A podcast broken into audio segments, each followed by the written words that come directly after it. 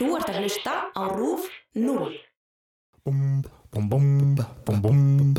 er alltaf jafnskrítið að horfa upp í loftið og svo bara einhverja loftjétta pillu verið bara að skjótast gegnum skýr, Eitthvað málmhlung einhverja málmlug bara hmm, ok, já, já, já, ég veit, það er brjálað ef maður það er pælir í alltaf því. jafn súr pæling sko, að mínu mati Já, já, já, ok Já, já, já, ok Já, ok Já, ok Daedalus útbjó tvö pör af vangjum eitt fyrir sig og eitt fyrir són sinn Íkarus. Hann raðaði saman fjöðrum byrjaði á þeim stiðstu hver á fætur annari þannig að þær lengri komu á eftir þeim stittri svo að halda mætti að þær hefðu vaksið í brekku. Þá festi hann fjæðurnar saman með tvinna og vaksi í miðju og neðst og á þær, þannig samsettar, let hann koma sveig svo að þær urðu eins og vangir á alvöru fugglum. Eftir að síðasta hönd hafi verið lögð á verkið þá vó smiðurinn salt á vangjum tveimur og let líkama liftast upp í hreyfðu loftinu. Hann frætti són sinn með þessum orðum. Ég bríni fyrir þér, Íkarus, að fljúa í loftinu miðju, því að fljúur þú á látt, kynni vatnið að íþingja vangjum þínum. Farið þú á hátt mun eldur sólar brenna þá. Farðu, bil, beggja. Já, ég elsku fjölnir Velkomin, velkomin. Velkomin, þú ert náttúrulega búin að sitja alveg yfir þessu handriti alveg eh, marga Já, klukkutíma Marga, marga klukkutíma. Við kostum náttúrulega strax í hérna leiðréttingu sem við fengum hana með uh, Colombo? Já, þetta, sko, við enduðum senast að þátt að næmi mitt á, uh, ætlum að tala um flugslýsið mm, uh, á Sri Lanka, höfuborg Sri Lanka, Colombo, já, uh, ekki, ekki, ég sagði í Kólumbíu ég, meira svo, svo tjekkaði sko hvað ég skrifaði. Þá skrifaði ég á uh, veist, í Colombo á Sri Lanka. Já. Nú er ég alveg rugglaður sko. Er en já, þetta er Colombo á Sri Lanka í Suður Asíu sko Já, já. afsakið það, afsakið það. Já, þetta er bara minnsta máli sko. Maður- verður svo steiktur sko þegar maður er að lesa sko. Við erum líka með svo harða hlustundur Það er náttúrulega máli að vera með Sækfræðis podcast sko. það er ekki alveg jafn, maður sleppur ekki jafn auðveldlega sko. Heyrðum við langaði líka að kasta kveði á hérna Snorra Þorfinns uh, vélstjóra. Snorri! Snorri mann!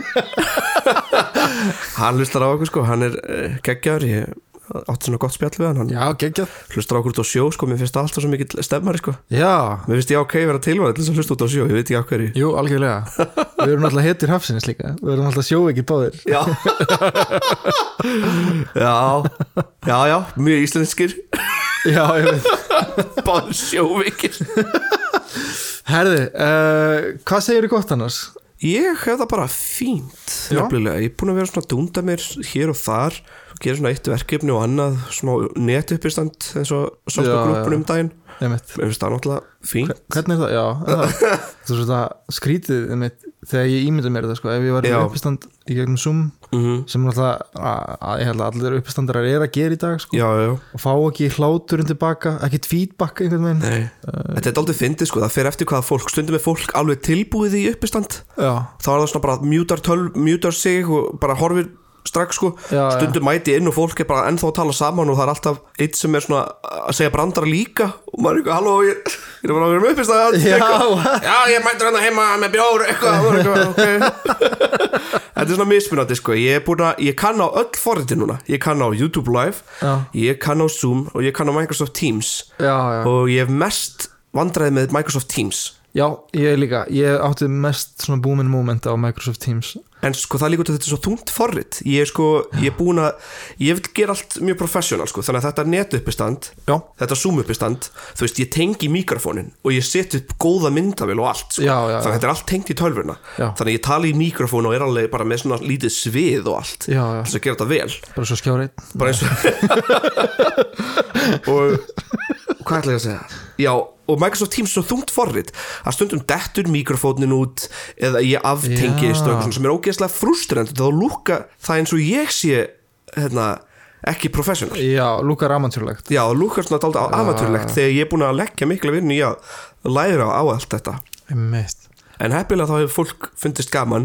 En maður veit samt ekki jafn mikið hversu gaman fólki fannst og venjulega þetta maður heyrir ekkert láturinn Já, já, já, en sérðu þau? Nei. Þau- Nei, ég vil helst ekki sjá sko, það stundum eru sumir sem eru kannski við tölvun og fara að gera eitthvað annað. Það tröflar, já. Já, eru bara að fara að gera sér kaffi eða eitthvað, eru samt að hlusta skilur Já, já, en ég vil ekki vera að horfa fólk og vera eitthvað, æ shit, þessi manneska stóð upp að fá sér kaffi. Ah, nei, webkamið já, hjá já. þessari mannesku datt niður, eitthvað svona vefmyndavélin er slögt hjá þessum allt í einu af hverju það, þú veist, ég myndi fara að ofhugsa allt og líka gerist einmitt líka í Microsoft Teams að fólk skrifar á chatinu stundum ennþá þegar maður er með uppistandi það bara stundum er bara hvað Ragnar, hvað er það hérna, hvað er aftur súpu uppskutið skilur, og eitthvað svona og ég er að lesa það, ég er eitthvað að datti út. Nei, what, þetta, þetta er eitthvað bara byggjum súpu, ok, þá held ég áfram uppstandi eitthvað svona, þú veist, þannig ég reyna alveg bara að Þannig sjá að ekki. multitaska líka? Já, Já, minnar Ok, þá skil ég að það sé bara betra að bara mjúta Sjá þetta. neitt, já, já. ég hef bara opið og um daginn var ég með Stefán sem svona tæknimann. Ég var bara á vinnustofinu hans og hafði hann bara með að horfa á Teams. Já, þannig að það var mjög þægilegt upp á það bara horfa ekki neitt á tölvuna og ef eitthvað skeiði þá stoppaði Stefán mér. Já. Þetta er mikil vinna sko. Ég var að hjálpa Ara Eldjórn uh, með eitt svona Zoom uppistand? Já, í Skotlandi Vá. Hún var að, hérna, að halda uppistand fyrir fólk í Skotlandi. Já. og þetta var rétt fyrir uppistand hjá hennum í Tjarnabjó já, þá nýttu við bara bakgrunnin á tjaldinu í Tjarnabjó og allt svona, þetta var ógeðsla pró veginn og þú veist leikúsljós og eitthvað Já. svona dæmi. Það er alltaf mjög gaman eitthvað Mjög svona, cool, sko. að, já, þú veist, fara á eitthvað svona net uppistand og það bara er ljós á sjó eitthvað svona. Já, algjörlega. Ógæðslega nett. Svo erum við að plana jólasýningu og svona. Hvað fóðis jólasýning. Já, það verður mjög gaman, það er mjög gott. Þetta er, það er mjög góðu hlutur í uppsiklingu sko. og það verður hægt að horfa það á netinu verður það bæði sagt. Þetta verður bæði, vonandi bæði live og á netinu. Já, já, já, þannig að það verður hægt að kaupa miða á strímið á streymið og uh, þannig að hlustundur í Danmur sko svona hafa ekki ennþá síðan Já. uppistandi þá er þetta tilvalið moment. Erum líka að skrifa fullt af nýjum bröndurum. Ég þarf að skrifa svona nokkra jólabrandara. Já, ég er búin að týna mína frá því fyrra þannig ég, þarf svona að reyna að hugsa upp aftur hvað ég var að skrifa, hvað djóka ég var að segja. Já, meinar. En er þetta ekki til hérna á Rúm 0, er það ekki líka? Það er endurmentun, Það er sjá það. Það er bara jólagjöf rúf 0 það var fyrsta uppistandi mitt. Já, eða svona fyrsta stóra já, setti mitt einhvern veginn. En varst ekki með jólasveinabarandaran þar? Ég er ekki viss nefnilega. Nei, nei, nei, en það er mjög gott uppistand uh, ef að fólk vil horfa já, á Rúm 0 já, það er bara endurmentun í, á rúf.is en hvað hérna, hvað vorum við að tala um senast þetta er náttúrulega partu 2 já, maður þarf að fara endurmynda sig hérna. Endurmenta sig núna. Uh, við töluðum um uh, einhvern veginn svona upphaf uh, flugsins Flug- á Íslandi. Já. Og flugfélögin, flugfélagi Íslands og loftleðir mm uh, Geysirs flugslýsið Já. þegar Geysir uh, brotlendi og vatnaugli alveg ótrúlegt dæmi. Ótrúlegt dæmi sko. Uh, og svo náttúrulega saminning félagana sem er líka ótrúlegt dæmi uh, daldið endilega svona, steikt sko, daldið svona back eins og maður sér að góður ennsku backstabbing. Já, backstabbing, hvað er það þú veist, nýfi ég veit ekki bakið. hvort þetta sé einhver einsliða eitthvað álit hjá okkur á þessu en veist, ég veit ekki, nei, það er ekki svona sko. mikil ást eftir mörg ári það hefði ekki verið daldið svikið flugfélag. Já, er það ekki? Ég Held það, ég held það, ég held það sko. Það er eitthvað, ég er með svona gut feeling Já. að þetta sé satt sko. Já, ég veit um að hérna, segja mörg orð á ennsku þennan þátt. Ó já. Uh, Já, bara tungumálið er, er lífandi hlutur. Það þróast. mikið slangri, mikið Já. slangri Já, já, og en bara einmitt eh, að þetta er partið 2 eða ekki hlusta á partið 1 þá endilega bara uh, hoppið tilbaka um eitt þátt já, og komið svo aftur hingað. Já, Já, já, svo bara vorum við byrjuð að tala um Colombo. Já, já við endum senast að þátt á að nefna þegar flugleir voru leið til Colombo á Sri Lanka þegar eitt mannskeiðasta flugslýs Íslandsögunar átti sér stað. Já, en það var uh, 15. november 1978 og það er kannski gott að, nefna að, að þessi þáttur sé kannski ekki fyrir veikar sálir. Nei. Ekki fyrir veikar sálir. Mm. ekki fyrir mikar sólur já, það er Já. mikilvægt að nefna það sko. Það er, ég, ég ætla ekki að afvega að liða mikið.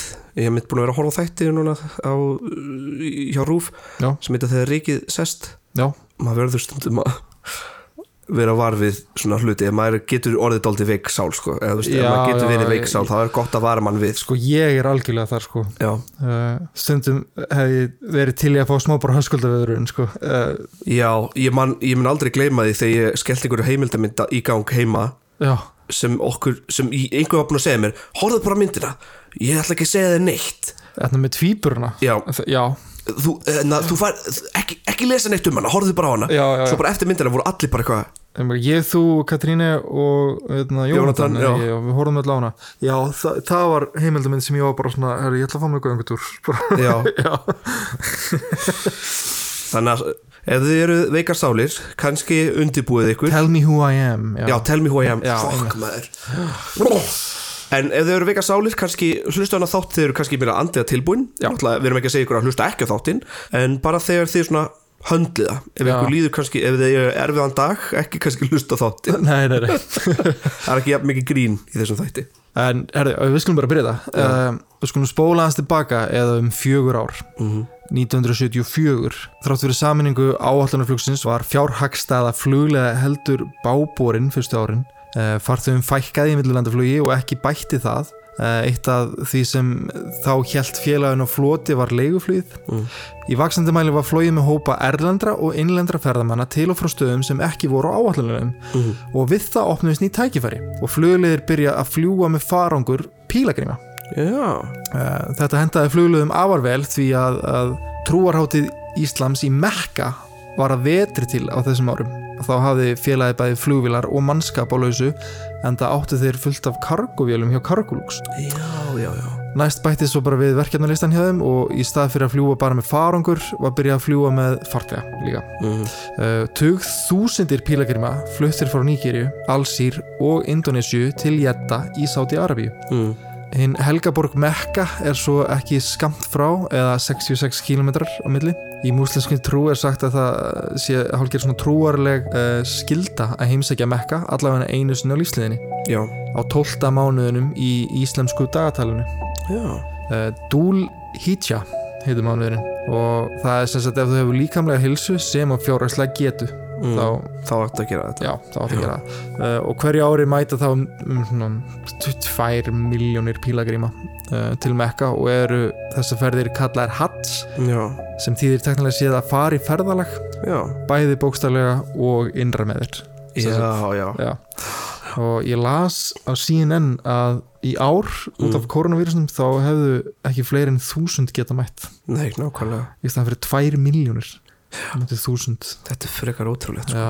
Þetta er líka, það er sko að sjá myndbönd af hérna Hajj já, og þegar fólk er í Mekka það er alveg bara ótrúlegt pæling. Já, já, já, já. um bara hvernig mannveran er sko, það er alveg ótrúlegt að sjá fólk fara í ringi kringum hérna, þessu Þessi uh, húsi þarna, þessar byggingu í miðjunni. Ég, ég veit ekki hvað nafnið á henni er nákvæmlega, Nei, ekki heldur ekki. Eru fjóra svona byggingar, getur það verið? Nei, það er bara Já, ein sko, það er það bara bara ein ein. allir í miðjunni þarna fólk uh, lappar í ringi skilst mér. Já, já, já, jú, það er bara ringi það er, Já, einmitt. Árið 1978 hafði fluglegir samið við indonesiska flugfélagið Garuda á flutningum pílagrima fram og tilbaka milli Jetta og Surabaya á Jöfu. mm. Sex áafni fluglega átt að annast þetta flug, 48 fluglegar, auk flugverkja, afgruslu fólks og rekstrastjóra, alls 62 starfsmenn. Alls 70.000 pílagrimar fóru til Mekka á vegum Garuda þetta ár. Fluglegir sama ár fluttum 5.000 pílagrima í 21 ferð frá Jöfu til Jetta. Og nú var komið að sittni helming áfangans en það var að flytja farþegana heim aftur. Já, Dagurinn er miðugudagur 15. november 1978. Það líður að miðnætti. DC 863 vél fluglega Leifur Eiríksson er ekki skamt frá flugvöllunum Bandaranaike International Airport eða einnig þekktur af heimamönnum sem Katunayake flugvöllurinn. Um borð vélarinnar eru 249 indonesiskir pílagrímar á samt 13 Íslendingum, þar af áttamanna áhöfn. já, Þetta kvöld er heljarinnar hitabeltisrigning, þrumuski og eldingar. Meðal þeirra sem voru í áhöfninni voru flugfreyjurnar Odni Björgulsdóttir, Kristín E. Krislefsdóttir og Þurriður Viljámsdóttir. Odni sem þá var 34 ára, reykingugur, hafði starfað hjá loftlegum í 10 ár og annast mörg pílagrímslug. Áranu undan 1977 kynntist hún Þurri, oft kölluð TV, sem var þá nýbyrjuð að fljúa hjá fluglegum. mm. Þau höfðu lent saman í öðru pílagrinsflugi þar sem Dagfinnur Stefánsson var flugstjóri. Uh, Dagfinnur sem lendi í slísinu á vatnajökli. já. Ferðin var frá Alsýr til Jetta og tróð full af farþegum. Otni og Þurriður höfðu setið aftast í vélinni þegar vélinn byrjaði að hefja flugtak. Allt í einu hófust upp gríðaleg högg og læti. Þau líta út um gluggan og sjá eld koma út úr hreflinum. Vélinn hafði farið inn í miðjan flughóp og hundruðir fugla sóguðust inn í hreflana og skullu á rúðunum. Þetta er algengt vandamál með Með flugslís Já, Það er yfirleitt fugl sem fer í hreyfillin og já, ég mitt.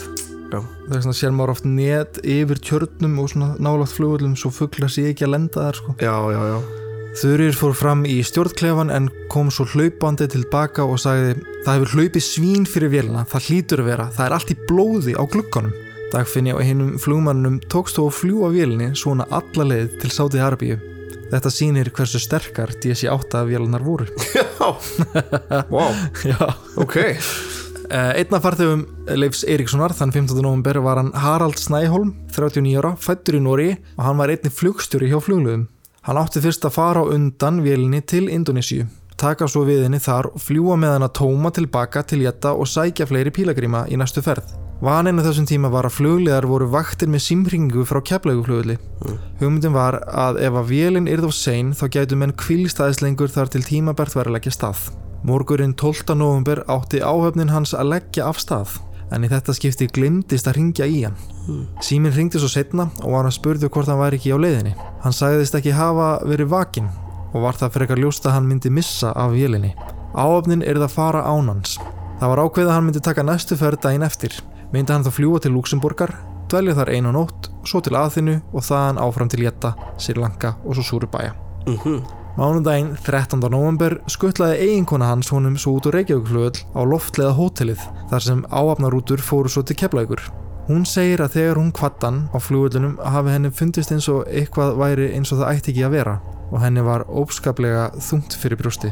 Já, Jónína Sigmarsdóttir, 27 ára flugfræja, átti að fara með sömu vél og Harald átti að fara fyrst með. Alltaf þegar hún átti að mæta í flug let hún klukkuna vekja sig og let ringja í sig frá keflauguflugvelli. Mm. En þennan morgun gerðist hvorugt. Vekjara klukkan ringdi ekki, nýja keflauguflugvellur.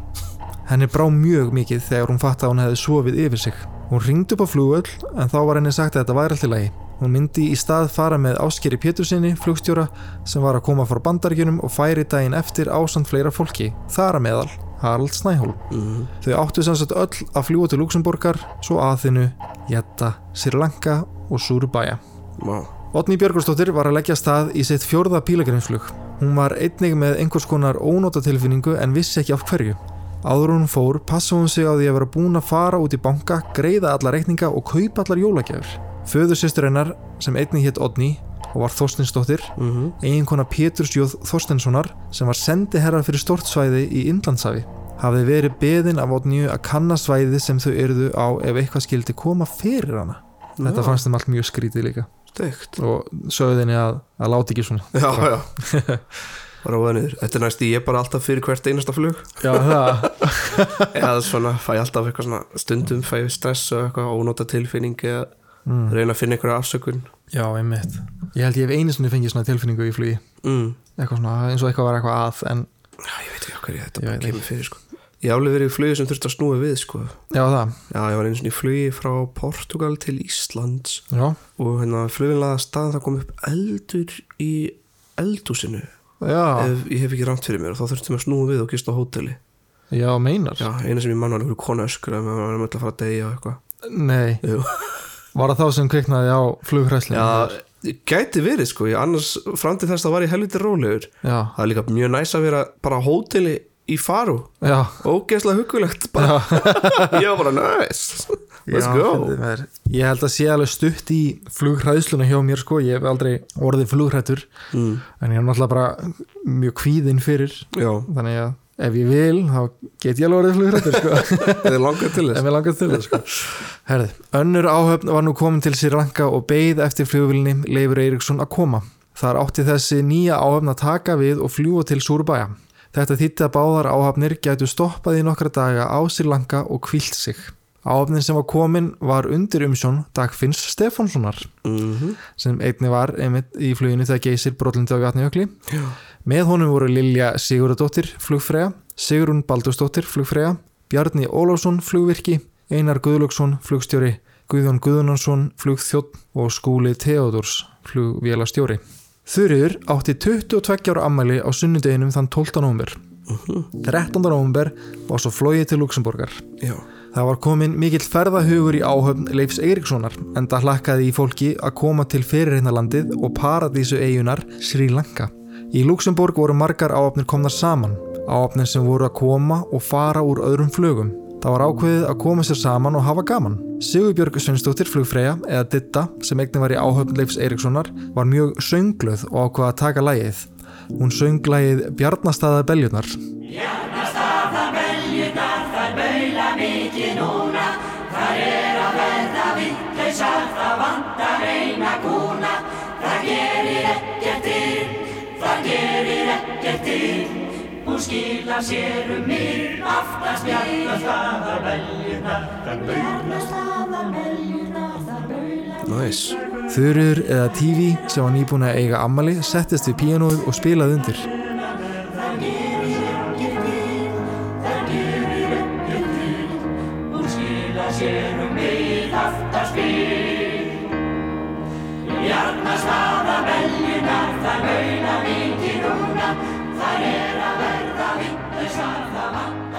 Þórarinn Jónsson, forstuðumadur flugdeldarinnar, tók eigni lægið. Hvar ertu vina sem varst mér svo kær? Hann leit alltaf svo vel eftir fólkinu sinu og gætti þess að allt færi vel fram. Á meðan þessu öllu stóð á nöyt áhöfn dagsfinns dvalarinnar á Sri Lanka. Upp frá þeim degi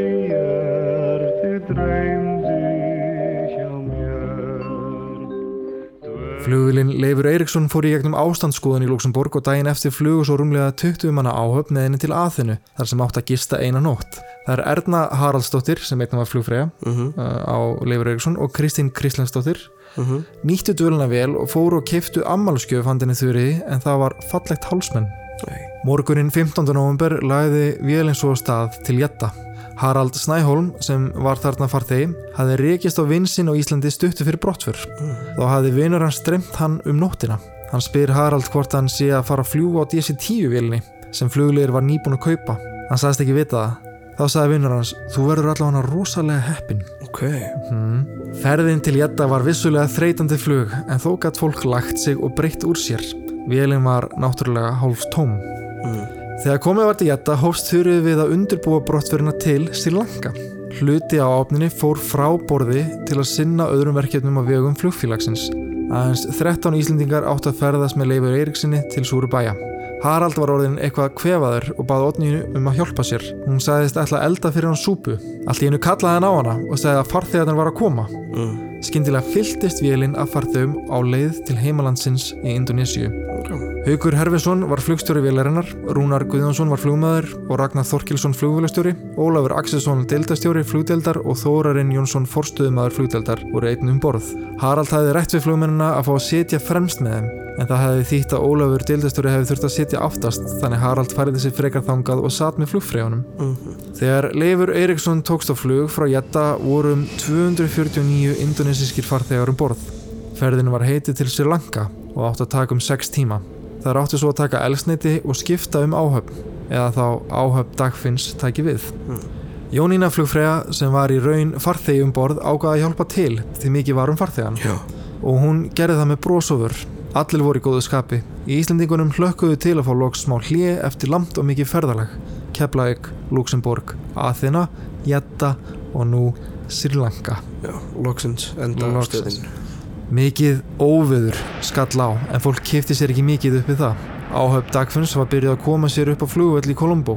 Sigrúni Baldursdóttur flugfreyju listi ekki á blikuna. Guð hjálp okkur, sagði hún. Við förum nú ekki í lofti í þessu veðri. Klukkan vantaði 7 mínútur í 11 á staðartíma á Sri Lanka þegar flugmenn Leifs Erikssonar höfðu samband við að flugstjórn Ratmalana sem er annar flugvöllur í Kolombo. Mm. Þeim var sagt að flugbraut 04 væri í nótkun. Þá óskuðu þeir eftir að fá að notast við flugbraut 22. Vegna veðurs óskuðu þeir einni að fá að fara í svo kallað blindaðflug eða sem sagt nota blindlendingar kerfi og stiðjast við blindaðflugstæki frá jörðinni. mm. Þau sem sagt sína stefnuna og aðflugshalla gisla. Já, Klukkan 6 mínútur yfir 11 voru flugmennir komnir í samband við ratsjárflug umferðastjóra í flugtörnunum. Þá voru þá 150 km eftir að Katunayake flugvöllunum. Mikil ánæja og gleði ríkti meðal Íslendingana um borð vélarinnar. Nú var stutt eftir til Paradísar einar. Allir voru svo kátir. Erna og Ditta voru þar fremstar í flokki og sungu fram í eldhúsi. Nei. Nú var komið að því að rétta úr stólbökum, festa borðinu upp og spenna beltin. Það var komin mikil galsíu fólk. Þær vissu að Guðjón Guðnason, flugþjóðn, var að fara að taka við að þeim. Hann var mikil snirtipinni, þannig þær ákveða stríðunum pínu og röðuðu öllu vittlust þannig að hann myndi koma að öllu óaðfinnalegu. Harald satt ennþá aftast í vélinni við hliðin og Ernu. Erna spurði hann hvort að hann var nokkuð smeykur við að sitja Erna aftast. Hann var ekki vanur því. Hún vissi nefnilega að flugmenn fljúa oft í hugunum þegar þeir eru ekki við stjórnvölin.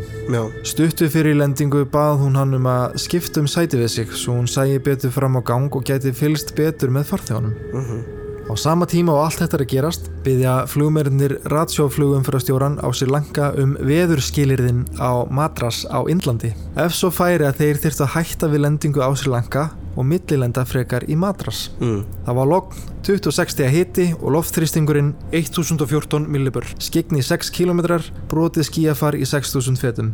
Þarna var varaplan komið ef skildi þurft að hætta við lendingu, en þeir sá ekki ástæðu til. Planið var ennþá að lenda á Sri Lanka. Mm Nú var stutt í lendingu, þeir voru farnir að sjá til jörðu en átti þó eftir að fljúa inn í eitt skí áður en væri lend. Öll öryggi voru inni og allir búnaður í lægi. Já. Þegar fimm mínútur voru áallari lendingu ringdi bjallan í flugturnunum sem átti að gefa til kynna að aðflugstefnu geislinn hefði dóttið út. Búnaðurinn var endurastur. Úti var myrkur og helli demba. Vatn gusaðist á rúðurnar, þrumur og eldingar líst upp heiminin með reglulegu millibili.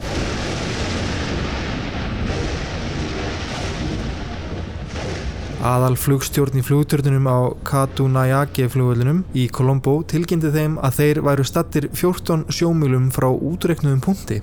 Ó. Samkvæmt því voru þeir eigni í 1000 fet fyrir ofan áallaða hæð. Því var ákveðið að lækka flugið. Harald sem aftast satt fylgdist vel með út um rúðuna. Það var svarta myrkur. Hann bjóst við að vélinn myndi brálega snerta flugbreytina. Hjólum voru komin niður og búið að draga allmikið afl úr hriflónum. Nú var tæp mínúta til lendingar. Þegar vélinn kom skyndilega út úr skíinu sáu þeir flugbreytina. Við endan af flöstu öllum flugbreytum eru svo kalluð aðflugsljós og eiga að vera ákveðu öryggi önnur tæki bila. Mm Tvö sitt hvori megin við brautina. Þau sem sagt sína manni hvort maður sé að fljúa of látt eða of hátt. Flýgur þú of látt átt í hættu að snerta jörðu áður en þú kemur að flugbraut. -hmm. Flýgur þú of hátt átt í hættu að flugbrautin dugi ekki til að lenda vélni. Mm Ef ljósin er öll hvít, flýgur þú of hátt. Ef ljósin er öll rauð, flýgur þú of látt. Tvö hvít og tvö rauð ert í réttri hæð. Ok, gott að vita Já, Þegar maður er að stress fylgjast út um gluggan Við erum ólátt Þegar flugmennir flugu skyndilega út úr skíinu sáu þeir loks aðflugsljósin. Þau voru öll rauð. Haugur flugstöri gaf öllum hriflum fullt afl.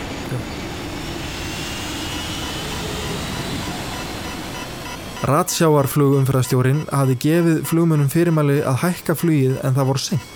Skilabóðin voru ekki móttekin.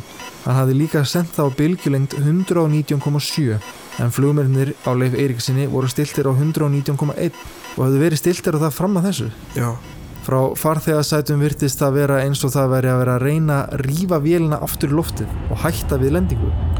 Þurur fekk strax á tilfinninguna eitthvað mikið var að gerast, eitthvað mjög óeðlilegt. Eru við að hrapa, sagði hún og allt henni var eins og blóð frís í æðum. Ég er of ung til að deyja. Harald Snæholm án þess að hugsa losaði beltið og stóð upp. Vélinn skall með stélið í jörðina og hann hendist til og frá inn í eldhúsinu. Kristín satt með vasaljósið í hendinni þegar hún heyrði að vélinn var gefið fullt afl. Hún beigði sér strax niður, bara ósjálfumleg viðbröð. Ég verða að opna dyrnar og hjálpa fólkinu út, sagði hún. Næsta sem hún man er að glerun hennar skutust af andlutinu. Eldtungur stóðu út úr vélinni hægra megin og pálmablöðin slóu vélina. Harald leit fram eftir ganginum. Mér rann kallt vatn millir skins og hörunds, sagði hann. Allt kom á móti mér.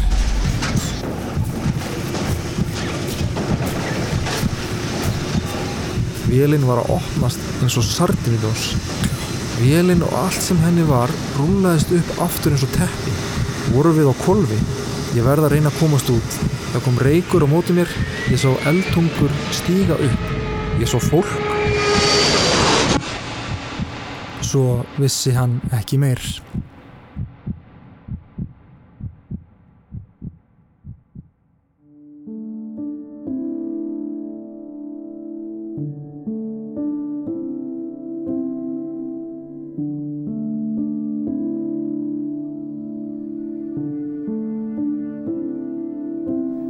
Nú þetta var mér finnst þetta alltaf eðlilegt það var náttúrulega rigning og og en það var engin ókýr að, að mér minnir. Svo hérna svo heyri ég svona söður kviss svona. Og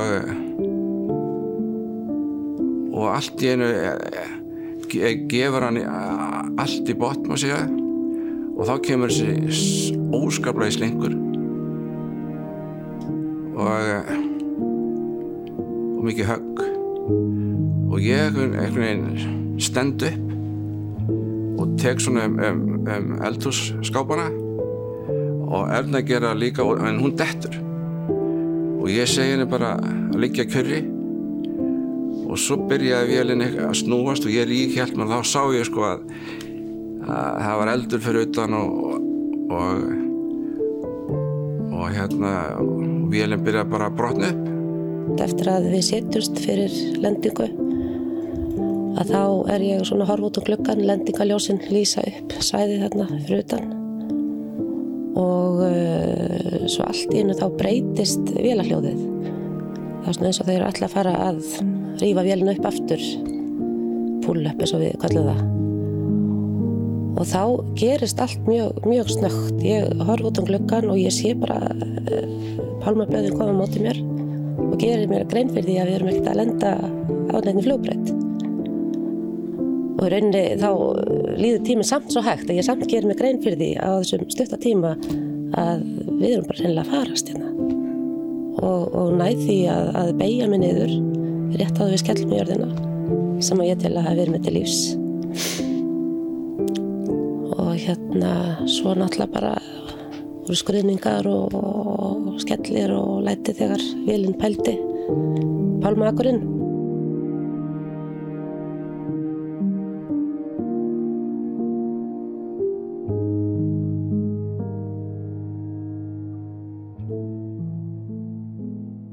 Bjarni Ólafsson flugvirki í áhöfn Dagfinns hafði farið upp á flugvöld og beð vélarina til að yfirfara hana. Hann stóð úti og sjá vélina koma um það bil þegar hún átt að lenda. Svo bara hurfað ljós. Ángistarhóllur fór um hann allan og allt í hennu sá hann bjarma af miklum eld blossa. Áhöfn Dagfinns vissu ekki sitt rjúkandi ráð.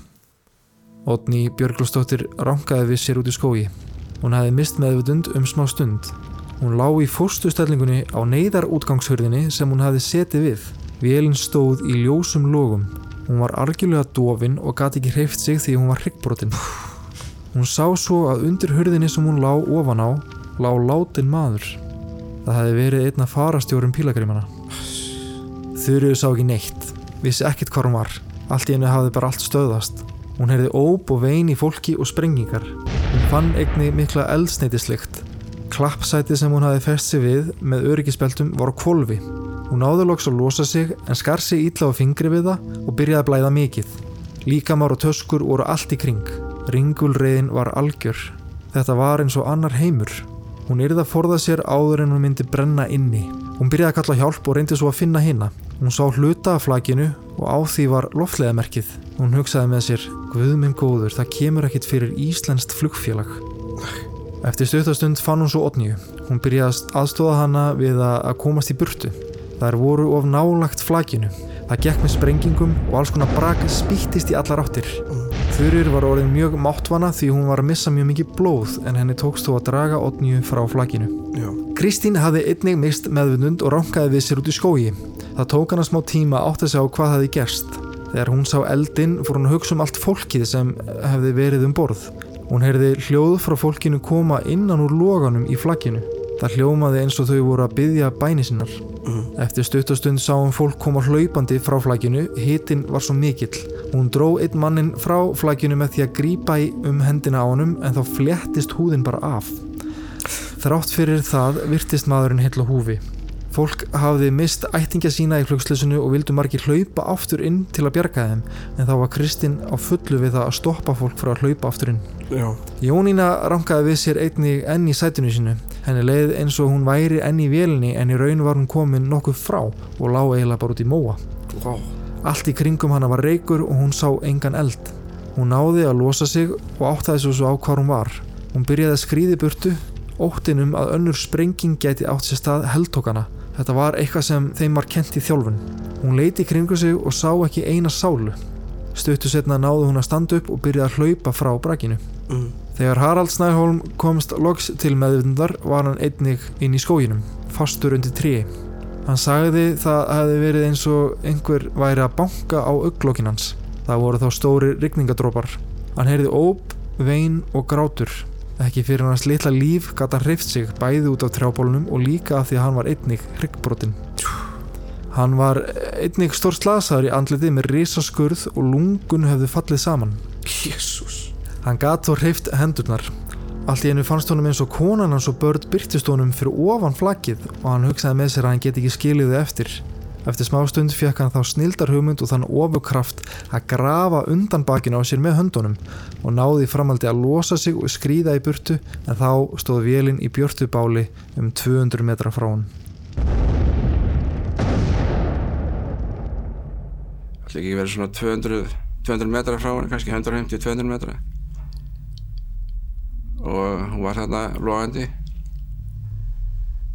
og um, en ón á brjóstina mér lá uh, stort og mikið pálmatri og ég gæti ekki hreift mig, gæti ekki, ég var alveg pikkfastur Já, þetta er náttúrulega bara, bara sko panik. Ég gæti ekki staðsett með neins staðar í vélinni þegar vélinni var stopp. Þetta var náttúrulega bara, þetta náttúrulega var bara eh, brak og það var dimmt og, og það var eldur og, og hróp og köll og, og svona bara algjör ringureið. Þegar ég svona ranka við mig og gerir mig grein fyrir því að ég sé nú ennþá hérna megin að þá, sko, þá hangi ég í sætinu mínu, ennþá í beltinu og ég losa mig og, og reynir bara að koma mér eitthvað staðar í burtu. Það var svo dimmt að maður sá ekki neitt og maður bara fór eitthvað bara beint af augum. og mér leiði svo vel hann undir trénu ég, ég var svo afslappar eitthvað og svo ég hugsa mig ég ætla að fá mér bara smá kríu. Og um, ég byrja allar höfðurinn svona aftur sko allar að leggja mig. Og þá verður þessi rosa sprenging í vilni og þá er þessi sjáu konuna mína með strákarna sitt hvori megin sko. Og þá byrjaði ég að krafsa uh, reyna að koma mér frá undan trénu því að eldurinn var komið mjög nálægt líka sko og hítin er óbærilegur og ég gæti krafsa undan bækina með höndunum og ítt mér svona frá, frá trénu, undan trénu, og skreið þarna í burtu ég gæti ekki gengi og ég láð þarna einhverju trí og þá komu tveir innfættir og, og dróðu mig inn í bíl. Já, þetta er svo súr sjón sko að hugsa um Íslendinga þú veist, fólk úr lítilli norrætni eigu Já. stödd í, í einhverjum eldi og slisi í skógi Einmitt. bara þú ferð ekki lengra frá upprunanum þess þú ferð ekki lengra frá Íslandi Bara eins og Þurir sagði bara Guðmund góð þetta kemur ekkit fyrir Íslands flugfélag. nei, Já. nákvæmlega Já, sem er alltaf aldrei sönn hugsun eða svona það er það eina sem stundum hjálpa mér ef ég er að fljúma Æslandir með svona já. það er bara svona það er nákvæmlega þessi hugsun sem ég það? hugsa oft þegar ég flý með íslensk flugfélag Já, já, já. þá er þetta eitthvað svona það hefur aldrei neitt gest við Æslandir eitthvað svona, það hefur aldrei neitt gest við flugfélag Ísland já. En sko líkurnar á að þetta gerist Gerist. eru svo litlar sko. Já. uh, sláandi litlar. já uh, miða við hvað eru margar líka fluglar í loftinu og, já, og þú veist. Heru, ég skal posta bara inn á já, heimasíðu sem sýnir hvað eru margar fluglar í loftinu. Já, hverju sinni. Hverju sinni, já, já, næs Heru, þau eru byrjað að kalla hjálp Allt í henni heyrði hún aðra mannesku kalla hjálp tilbaka. Hver er þetta? kallaði hún tilbaka. Það var hún Jónína. Það var útulokað að greina hvaðan röttin kæmu samt. Fólk var byrjað að þyrpast að. Innfættir voru farnir að koma út úr skóginum. Björgun og fólk var komið á slýsastæðin. Otni tók eftir að nokkri strákar gæðust inn á milli trjána. Þeir komu svo og reynda að hjálpa þeim. Einn mannana gekk fyrst að þurriði og reif af henni hálsminnið sem hún hefði fengið amalskjöf. Það var nefnilega byrjaði að ræna þau áður en þeim var svo bjargað.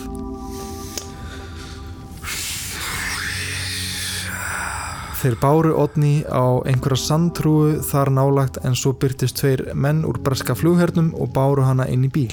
Já, Þess að brettar, uh, voru ekki brettar, í Sri Lanka, já, við minni það jú jú. Harald Snæholm varð eigni varðið mannaferðir. Þá höfðu tveir silankamenn dreigið hann upp í bíl og kyrt hann í burtu. Hann hafði verið með seðalbúnd í jakkanum sem hann nú var horfið.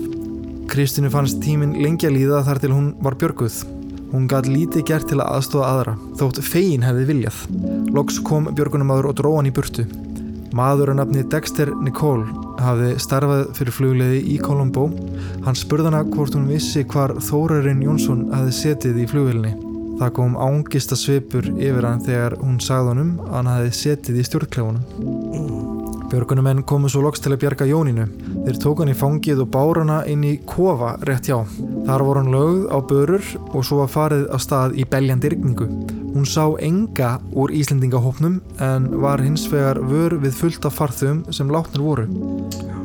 Hún hugsaði með sér að hún hliti að vera ein eftir og svo hugsun fór ekki vel í hana. Dagfinnur og áhafnin hans höfðu nú átt að segja á því að allmargir höfðu komist lífs af úr slísunu. Það var byrjað að koma með slasað fólk af slísastað. Þá fengu þau þær fréttir að einhverjir úr íslensku áhafninni hefðu lifað af og ætti að fara með þau upp á spítala. mm. Þurriði var ekið í eitthvað sem líktist helst gamallri skemmu. Þetta var einhvers konar neyðarskíli. Mm. Fólki var raðað á gólfið, blöytu, blóðugu og skítugu. Þeir byrjuðu að rífa hann úr fötunum til að aðtuga meðisl. Svo kom einhver og reif alla skartgripi úr og ringi af henni. Fyrst hjælt hún að þetta væri einhver af spítalunum, en svo var ekki. Það var verið að ræna hana. Aftur. yes, það endaði á því að það þurfti að setja vörð við skílið. Jésús Kristur Mörg fórnálumb flugslisins höfðu verið rænt. Það hefði verið tekinn teppi, peningar, skartgripir og önnur verðmæti. Setna byrjast svo Kristín við sjúkarskilið og svo Jónína. Verið var að sapna saman slösuðu fólki þar og setja fólki svo í bíla til að flytja þau á sjúkrahús. Þurru sagði þeim að hún hefði verið með odnju og hún hefði haldið að allir aðrir varu lotnir. Setna var þeim svo öllum ekið á spítalan. Nú var dagfunnur einni á leiðin á spítalan. Hann bjóð sig undir það versta. Hann segir, mér hefur aldrei liðið eins illa á æfinni og þarna á leiðin á spítalan. Ég hafði meðal annars lengt í flugslisunu þegar geysir lendi á vatnajökli og öll þjóðin saknaði okkar og hafði talið okkur látin í hátt í viku. En þetta var miklu verra. Ég velti því fyrir mér hvernig félögum okkar liði, hvernig er þið aðkoman, var fólkið allt stór slasað og illa farið, hvernig leiðum. Ég hef aldrei upplifað tilfinningar í líkingu við þetta. Óvissan var hræðileg. Ég vissi ekki hvernig ég myndi taka því að sjá stórslasaða fólkið, jafnvel illabrunnið og lemstrað. Þessar hugsanir kvöldu mig mest. Dagfinnur Stefánsson, Lilja Sigurdóttir, Sigurún Baldúsdóttir, Einar Guðlóksson og Guðjón Guðnason fóru öll upp á sjúkurós til að taka mótið þeim. Aðkoman á sjúkurósinu var slæm. Það virtist eins og spítalinn væri ekki alveg spítali, heldur gluggalust skíli þar sem vantaði glerið í gluggakarmana. Fólk gekk þar framjá og röðu sér á gluggana til að fylgjast með þeim eins og dýr í búrum. Rauð riðgað blóðvatn rann eftir göttunum. Það var þá frárennslið frá skurðastofunni. Kristínu fannst gott að sjö fólki sitt en þó var mjög erfitt að ná sambandi við hana vegna áfallsins. auðvitað Henni var svo í kjölfari skuttluð upp á hótel þar sem hún geti kvílt sig. Þurriður var illa skorin á fingri og það þurfti að sauma hana. Hún var sett á bekk og haldið niðri á höndum og fótum því það voru ekki til neinn deyfilif. Harald Snæholm lendi því sama hún var hent upp á borð úr tríi. Í kringum hann var fullt af fólki. Hann var í skelvingakvölum en þó fannst honum verra að heyra kvalarópin í hinum farþjóðunum sem einni voru þarna á sjúkurúsinu. Hann var svartur í framann, augun djúft sokkin og neðri vörin illa skorin. Honum var eigni haldið niðri með valdi á meðan hann var saumaður. Jésús Bresku flugmerinnir sem tóku Otnju voru að koma með hana í bráðbæraskílið, þó ekki það sama og Þurður, Jónína og Kristín fóru í. Hún Otni vissi vel að hún var mikið slösuð. Hún vildi að fötin erðu klift af henni og þóldi ekki mikla hreyfingar. Í því sjúkraskíli sem hún var sett í voru til deyfilif og var hún sprautu til að deyfa sársökan. Þá kom hjúgrunumæður og fór að týna af henni skartgripina. Hún reyndi að spyrnast á móti en var svo máttvana og hún gat ekkert gert til að verja sig. Býtum við þá hjúkrum að það líka stela Já. Eða hún allan að hjælta hann var öllu Kanski var þetta ekki hjúgrunumæður, bara leit út fyrir að vera. Já. er. Það bæti ofan Já. Skömmu eftir klukkan tíu að kvöldi á Íslandi barst aðarstöðum fluglega í Reykjavík svo harmafregn að DC-863 þóttan TFFLA Leifur Eiríksson hefði farist um klukkan 6 um kvöldið að íslenskun tíma í aðaflugi að flugvöldunum í Colombo um 2 km frá flugbreytar enda við erfið veðurskiliri. Já. Að öðru leiti var allt óljóst um tildraug og orsakanir slissins. Mm. Öll íslenska þjóðin átti eftir að vera harmi slegin og hugsa með samú til allra þeirra sem nú myndu eiga um sárt að binda, fólk sem sæi á bak nánustu ástvinum, vinum og ættingum. Læknir á sjúkurúsinu var á tímabili í vafa um hvort að Harald myndi lifa þetta af. Bæði lungunans voru stór sköttuð, hann gæti aðeins andað með hluta af vinstra lungunu og fjóri hryggjarliðir höfðu brotnað. Auk þess hafði hann mist mikið blóð. Odni var tekin úr sjúkarskilinu og ekki á spítalan. Þegar hún kom svo heyrði hún kunnulega rattir. Það voru þá vinir hennar úr áhöf dagfinns. Mm. Þarna er Odni, þarna er Odni, kvölluðu þau þegar þau sá hana. Hún segist aldrei gleyma þessu. Guðjón flugþjótt kom og faðmaði hana, sem var gott. Þarna stóðu líka Einar Guðlokksson flugmaður og skúli Theodors flugvélastjóri. Lilju leist ekki á blíkuna þegar hún sá Odni. Hún hljóðaði öll í kvölum. Einni blöskraði henni ástandið á sjúkurásinu. Getur fólk lifað í svona óhreinundum, spurði hún. Þarna var verið að gefa fólk vökva í æð í öllum þessum óhreinundum. Engi glukkar, engar hurðir, allt opið. Mjadmagrind Odnjar var illa farin og hún var óskaplega marin. Hún var sárþjáð og hafði ekki kastað af sér vatni í langan tíma. Eitthvað hafði nefnilega farið úr sambandi. Uh, hún gati ekki kastað þessi þvægi. eitthvað þar úr sambandi já. Já, og hann er leið oft bara eins og hún var að springa, Já. segir hún. Já.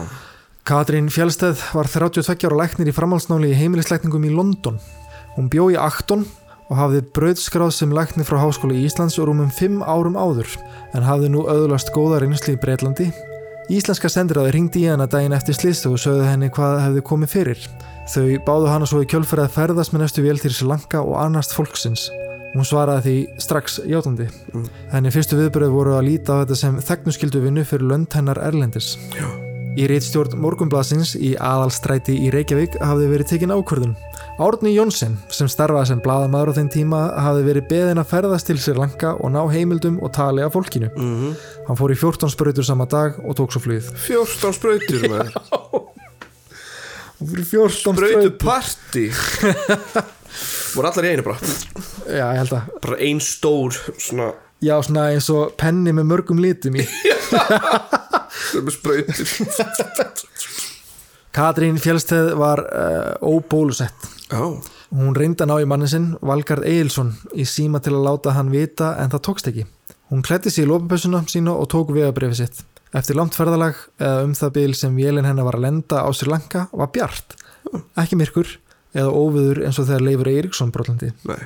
Hún rak sig á hitavegg, 30 til 40 gráður. Hún var ekki lengi í þessari lópapessu. Hún hafði strax handa við að annast fólkið. Já. Sem að lendir í Portugal eftir að hafa verið Íslandingur svo lengi. Já, bara eitthvað ég er alltaf náttúrulega bara fáralegur með við fjölskylduna mína skilur ég er eitthvað suttalega hvítur með við alla Já, restin já, portugalsku eitthvað þú situr maður, hvað er þetta?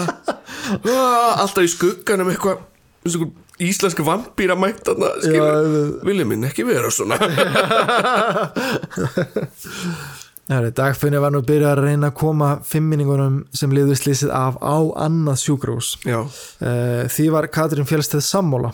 Hún segir, þó mér þætti æskilegt að flytja Íslendingana á annað sjúkrós, áttaði ég mig á því að það kemur ekki lækni frá öðru landi á ríkispítala þar sem slasa fólk liggur í hrönnum og fer að stjórna. nei, Heimta að fólk sitt sér flutt, útskrifa hér og innritað á öðrum stað. nákvæmlega Slíkt viðgengst ekki á Íslandi og gerði það ekki heldur hér. Ég gerði mér enga síðu grein fyrir því að sennilega yrði bara gott fyrir starfsfólkið sjúkurósuna sem okkar fólk lá á núna að losna við þessa vesturlandabúa sem við vorum að vestanast út af. Þá gætu þau einbytt sér að Indonesunum og því fólki sem eh, fyrir var. mm. Og ég framaldi hafði hún svo samband við spítalan sem hún vildi koma fólkinu á. Joseph Fraser Memorial Nursing Home. Mm Það átti eftir að ganga vel að koma fólkinu þangað. Ok, Þegar skiptárum sjúkurós lagaðist þetta mikið. Allt var hreint, gler í gluggunum og líða fólksins batnaði til muna.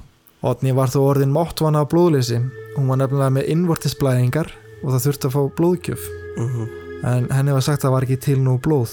Hún var í sjálfgefum blóðflokki en hefnilega var dagfunnir í sama blóðflokki og ætlaði að leggjast upp á borð og láta dæla úr sér blóðið. já Eða dæla úr sér blóð. mm Föður sýstir Otnýjar, sem einnig heit Otni, hafði flóið út með eigimanni sínum Pétri, sem var sendiherra fyrir stort svæði á Indlandsafi og voru þau stödd núna á svæðinu. já, ég er náttúrulega verið dálítið hrættur við að fljúa eftir slis Já, en á sama tíma ekki.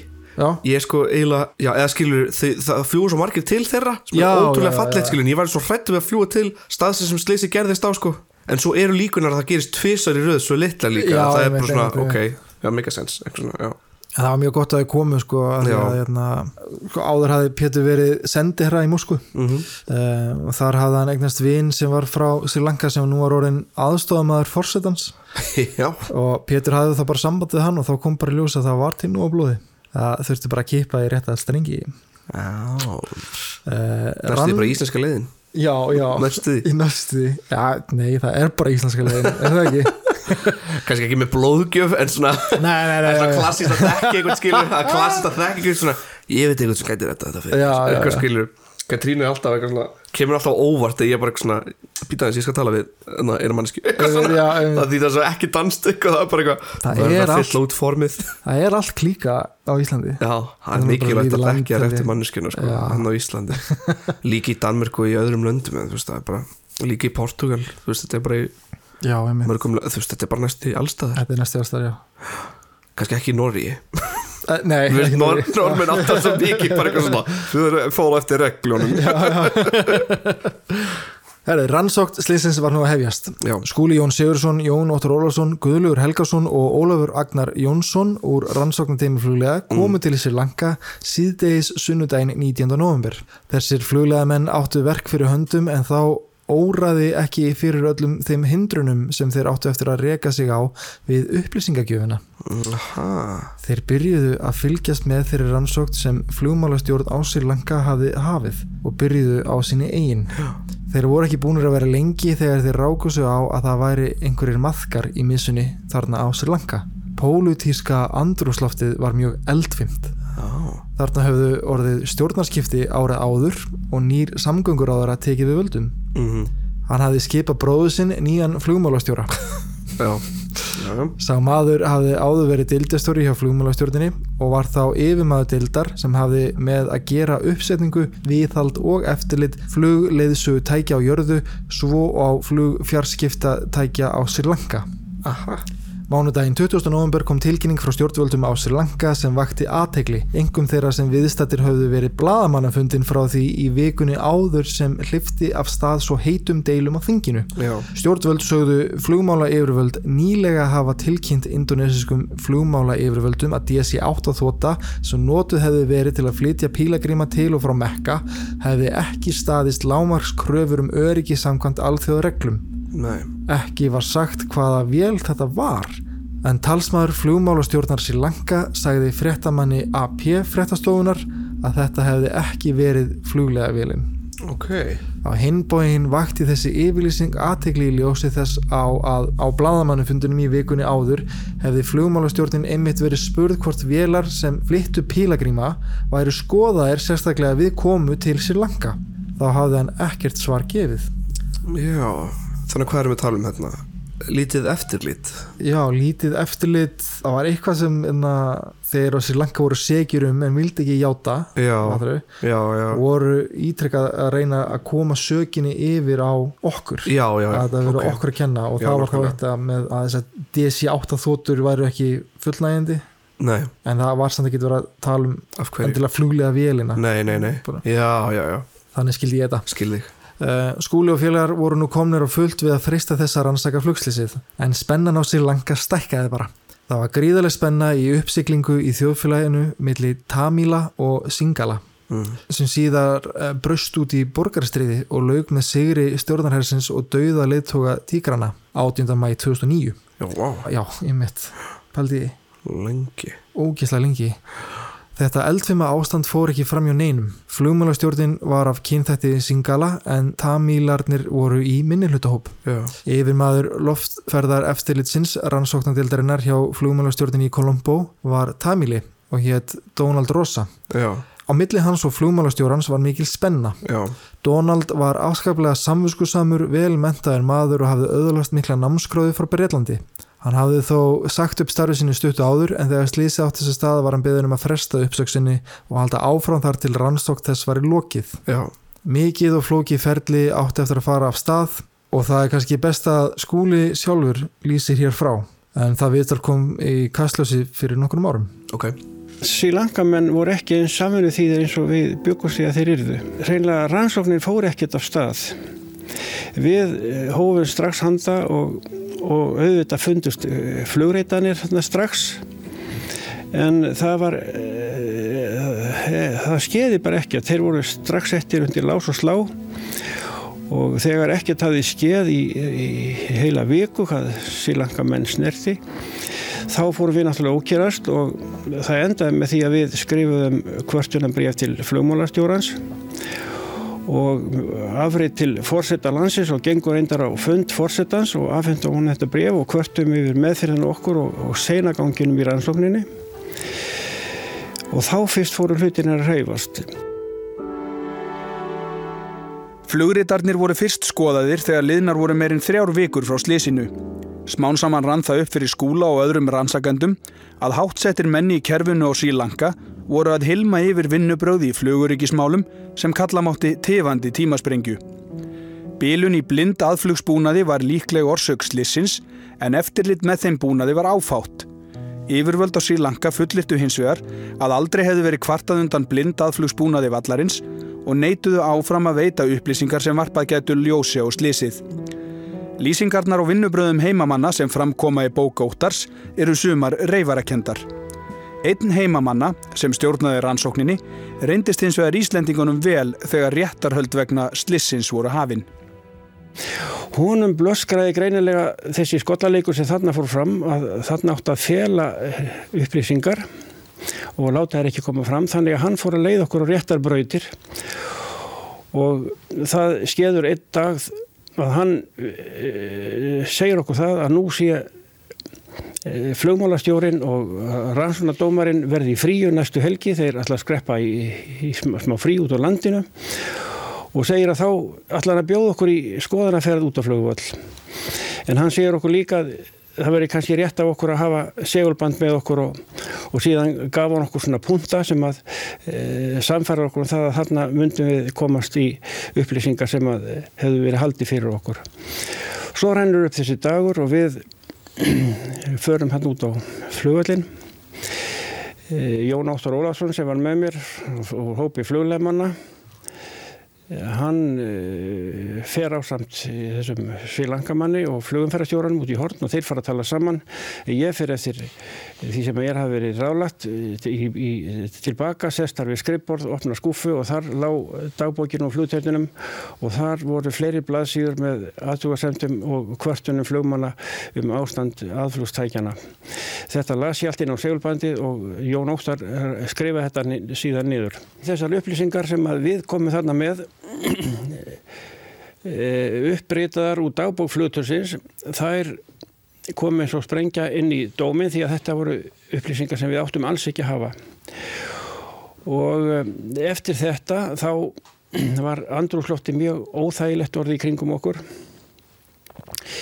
Það voru mikið fleira sem við komum með sem að við höfum grafið upp eða bandarækjumenn höfum grafið upp eða indóresin höfum grafið upp sem við lögðum hérna fram og uh, það var í, í restina orðið þannig að leinilöreglan á stanum var fann að fylgja okkur eftir hvert skref fylgdist með öllum okkar eh, ferðum og eh, við samprófum það að þeir fór í gögnin á hótelinu okkar. Skúla og félögum fannst sér ekki lengur vært í landinu og þeir flúðu til Kaupmannahafnar og kláruðu skýslu sína þar. Ekkert tillit var tekið til aðtúasenda Íslendingana, Indonesana og Bandaríkjamannana í loka skýslu yfirvalda, þrátt fyrir loforðu mannað. Í skýslu heimamanna var mistökum og lélugum vinnubröðum flugmanna kent um. Nú við vorum nú aldrei ekki sáttur við þessi málalokk og í samfunnu við Indonesana þá, og bandaríkjaman þá sömdum við eh, okkar eigin skýslu þar að segja við tókum skýslu Indonesana, gerðum aðtugasemdir okkar og, og, og viðbætur og innskott alltaf á móti og fórum síðan á fund NTSB í bandaríkjónum þar sem að þeir samþöktu þetta fullkomlega og voru algjörlega samþykir þessu þessari niðurstöðu okkar að frum orsök slissins hefði verið lélegt ástand og hættulegt ástand aðflugs, blind aðflugstækjana í Kolombo þessi tæki ásamt villandi og, og röngum leiðbeiningum flugumferðarstjórans í aðfluginu hefði valdið því að flugmennir reyna lent inn í gildru. Jáhá Pældi því, þess að þetta flýja landið undan leinulögurglunni Það var alveg ótrúlegt. Eh, Í þessari dagbók stóð Glide Slope Unusable eða aðflugshalla geisli og nóthæfur Status on Glide Slope and Beacon Not Known ástand aðflugshalla geislans og markvitana óþekkt. Mm -hmm. Aðdæðasendur innihjöldu meðal annars orðin svo erratic eða villandi. Já, low, lágur og fluctuating eða fluktandi. Já, það er nefnilega það sko. Það er nefnilega það sko. Eftir cirka tíu daga dvöl var farið að koma fólkinu heim til Íslands Katrín Fjölstæð var með eh, ráðum við undirbúning heimferðarinnar. Fyrst átt að flytja Harald heim því hann var mest slasaður og hinbóin var ekki hægt að flytja Otnju heim þó ástand hennar var mjög stöðugt. Og heimleginni var Jónína Sigmarsdóttir alltaf að upplifa slísið aftur og aftur. Mm. hún rökk upp alltaf þegar hún var rétt við að sopna Þurur Viljámsdóttir uppliði svipaðar tilfinningar. Öll flugu þau heim nema Katrín Fjölstæð og Otni uh, og einhver fleiri, sorry það voru fleiri en þau tvö. Uh, Harald var fluttur heim á sjúkrabörum og lagður inn á borgarspítalan Mm eftir svo tveggja vegna döl sem átti reyndar fyrst að vera þrýr dagar flög Katrín heim. Það var svo í desember þegar loksins mátti flytja Otniu heim til Íslands. Hún var svo lögð inn á landspítalan þegar hún kom heim. Hún átti eftir að vera þar næstu fjóra mánuðina Í janúar 1979, tæpum tveimur mánuðum eftir slísið, var Jónína Sigmarsdóttir byrjuð að fljúa aftur sem flugfrega. Já, Í februar byrjaði Þurrið Viljámsdóttir að fljúa aftur. Sama ár byrjaði Katrín E. Krislisdóttir aftur að fljúa og Harald Snæholm útskrefaðist af endurhæfingadeild. Hann átti svo eftir að taka við á starfi Magnúsi Guðmundssonar sem þjálfurnarflugstjóri. já, Eftir að Otni útskrifast á landsbítalunum byrjaði hún að fljúa aftur. Hún átti þó eftir að glíma við ímislegt sem tengdist meðslum frá flugslisunu og hefur farið reglulega í sjúkraþjálfun síðan. algjör harkast að byrja að fljúa aftur bara Uh, þau fengu enga áfallahjálp.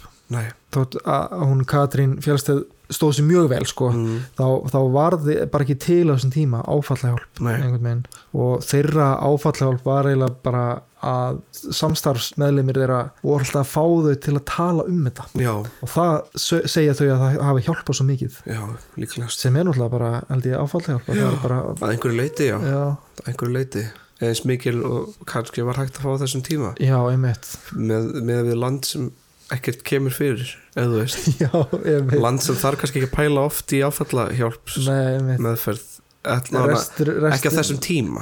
Já, fyrir Ísland þá er restina heiminum eins og eitthvað svona órunverulegt eitthvað bíó bara, eða þú veist fattar þetta er svona svo langt frá okkur alltaf. Já, já, og það ræðilega gerist bara í frettunum er það ekki? Jú, ég mæli með að fólk hérna, eh, ég hef lent í atviki og þurft að fá áfallahjálp. Já, ég mæli með að fólk hefur kannski lent í einhverju sem breytir þau og fatti það kannski ekki fyrir að hugsa og frekar út í það, er alltaf hægt að fá áfallahjálp og, og, og sáluhjálp hjá Já. kvíða meðferðastöðinni eða litla KMS líka sem er fyrir unga, yngra fólk litla kvíða meðferðastöðin ég held að kvíða með fyrir stöðin hafi bjargað lífið mínu sko. Ef ég var alveg reynskilin sko.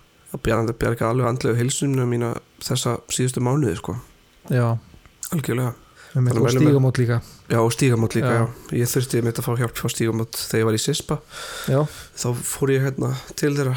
Já, það var náttúrulega bara alveg æðislega hjálp sko, ég verði alltaf þeim mjög þakkláttur já. Það er þetta að styrkja stígamót eða fólk vil Já, það er það. Herðu, í pílagrímsfluginu á leið til Súrubæja voru 249 pílagrímar. Mm það er að auki 13 Íslendingar samanlagt 262 manns um borð. -hmm. í flugslusinu á Sri Lanka komust 79 manns lífs af þar af 5 Íslendingar.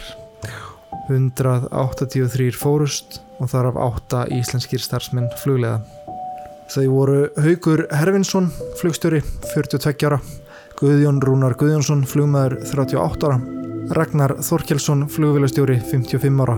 Erna Haraldsdóttir flugfræja 38 ára. Sigurbjörg Sveinsdóttir flugfræja 37 ára. Ásker Pétursson yfirflugstjóri 48 ára. Ólafur Axelsson deildarstjóri í flugdeild 47 ára. Og Þórarinn Jónsson forstuðumadur flugdeildar 52 ára. Hvíl í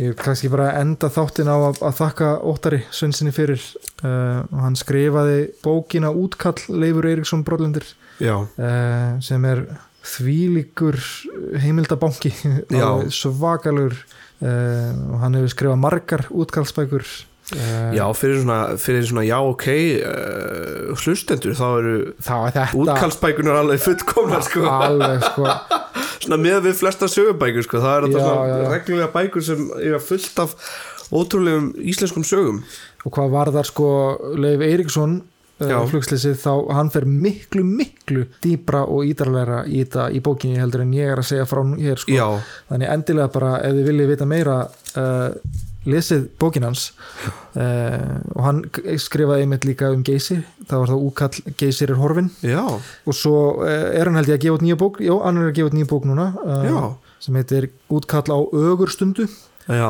sem er held ég um einna bátunum sem sildu frá heima í, í gósunu með farþega. Og svo skeið eitthvað meira sko. uh, ótrúlegt, hann er náttúrulega rosalegur þessar bækur, sko. þessar útkallsbækur eru alveg ótrúlega og ef að mamma og pappi eru að hlusta þá var ég alveg til í bókina í jólugjöf þetta er bæðu vegi ekki dölin auðlýsing, þetta er bara, Nei, þetta er bara, bara við að, að kunna metan sko. já, já.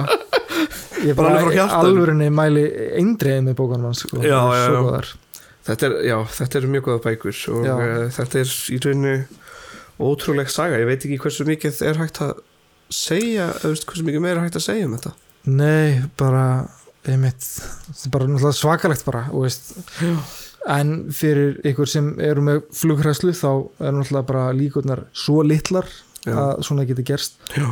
og það er eiginlega meiri líkur að lenda í bílsleysi heldur en þessu sko. Já, það er það alltaf sko. Já, og tækin í dag og, og búnaðurinn er orðin miklu miklu betri. Já, ég líka las ykkur staðar svo skemmtilegt að það eru meiri líkur á að lifa flugslýsi af en að lenda í flugslýsi Já, nokkulega, Já, eitthvað svona. Einmitt. Og veist, DC-8 vélunar voru svo langar eh, og sast aftast Já, þá fannstu fyrir einhvern veginn hvernig vélnut bognaðist og eitthvað svona, hún var bara svona sveiflaðist öll til já sem er alltaf mikilvægt. Já, í dag er það þessar vélar eru orðnar svo ógeðslega sterkar sko, að Það er alltaf jafnskrít að horfa upp í loftið og svo bara einhverja loft í þetta pillu vera bara skjótast gegnum skín eitthvað málmhlung. Einhverja málmflug bara, hmm, ok. Já, já, já, einmitt, það er brjálað Það er alltaf jafn súr pæling sko, að mínu mati. Líka bara vera, þú veist, að fljúa yfir eitthvað og vera bara svona að horfa niður og vera bara, já ég er bara hér. Eitthvað Það er eins hérna og- að við séum að brjóta einhver lögmál. Já, einhver lögmál náttúrunar með að gera þetta sko. Það er svona yfirganguð okkur. Við brutum öll lögumálin Mætt út í game já, einmitt erum við mætt út í game, já. Já, flytja Mars. Já, flytta til Mars. Herri, ég held að við verðum að, að fá okkur einhverja næringu. Já. það er alveg þurfum ég segi bara takk fyrir uh, að hlusta á þessa Takk fyrir mig, og, Fjölnir og takk fyrir vinnuna sem þú læðir í þetta. Þetta er mín var ánægjan. Nú verð ég bara daldið stressað fyrir næsta Nei, nei, nei, Nei, ég, farin, ég ætla að vera að fann bókina sem ég leiði hjá bókasafnu sem ég ætla að fjalla um þannig að ég fann mjög sáttu með það ég var að taka til heima þannig að ég var loksi sko já, hann er hún, ok, já, já, ok, geggjað get skrifað um þetta en það verður svona, já, þessi á bara til. Já, ég ætla líka bara að fara að gera meiri eitthvað svona sjónvarsmarkaðurinn eða Já, ég segi að þú ferði í hlýja núna og ferði að þessi smá til En takk kærlega við mig Takk, takk, takk fyrir. Já, já, já, ok. Já, já, já, ok. Já, ok. Já, ok